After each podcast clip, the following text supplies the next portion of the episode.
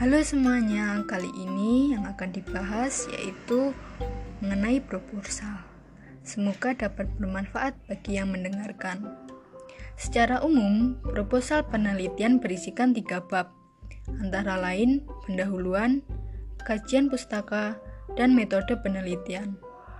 Meski tiga hal di atas merupakan hal pokok, namun ada baiknya dalam proposal penelitian dituliskan bagaimana jadwal, atau rencana waktu penyelesaian tugas akhir secara keseluruhan.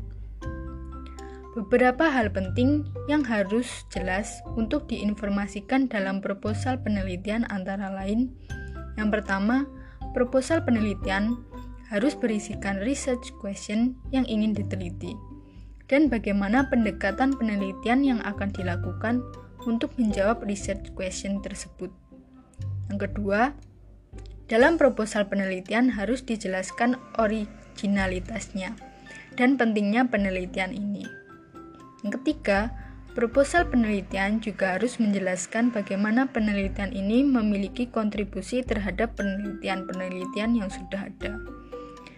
Yang keempat, dalam proposal penelitian harus berisikan sebuah persuasi secara implisit kepada pembimbing atas pentingnya penelitian ini dan kenapa Anda adalah orang yang tepat untuk melakukan penelitian ini.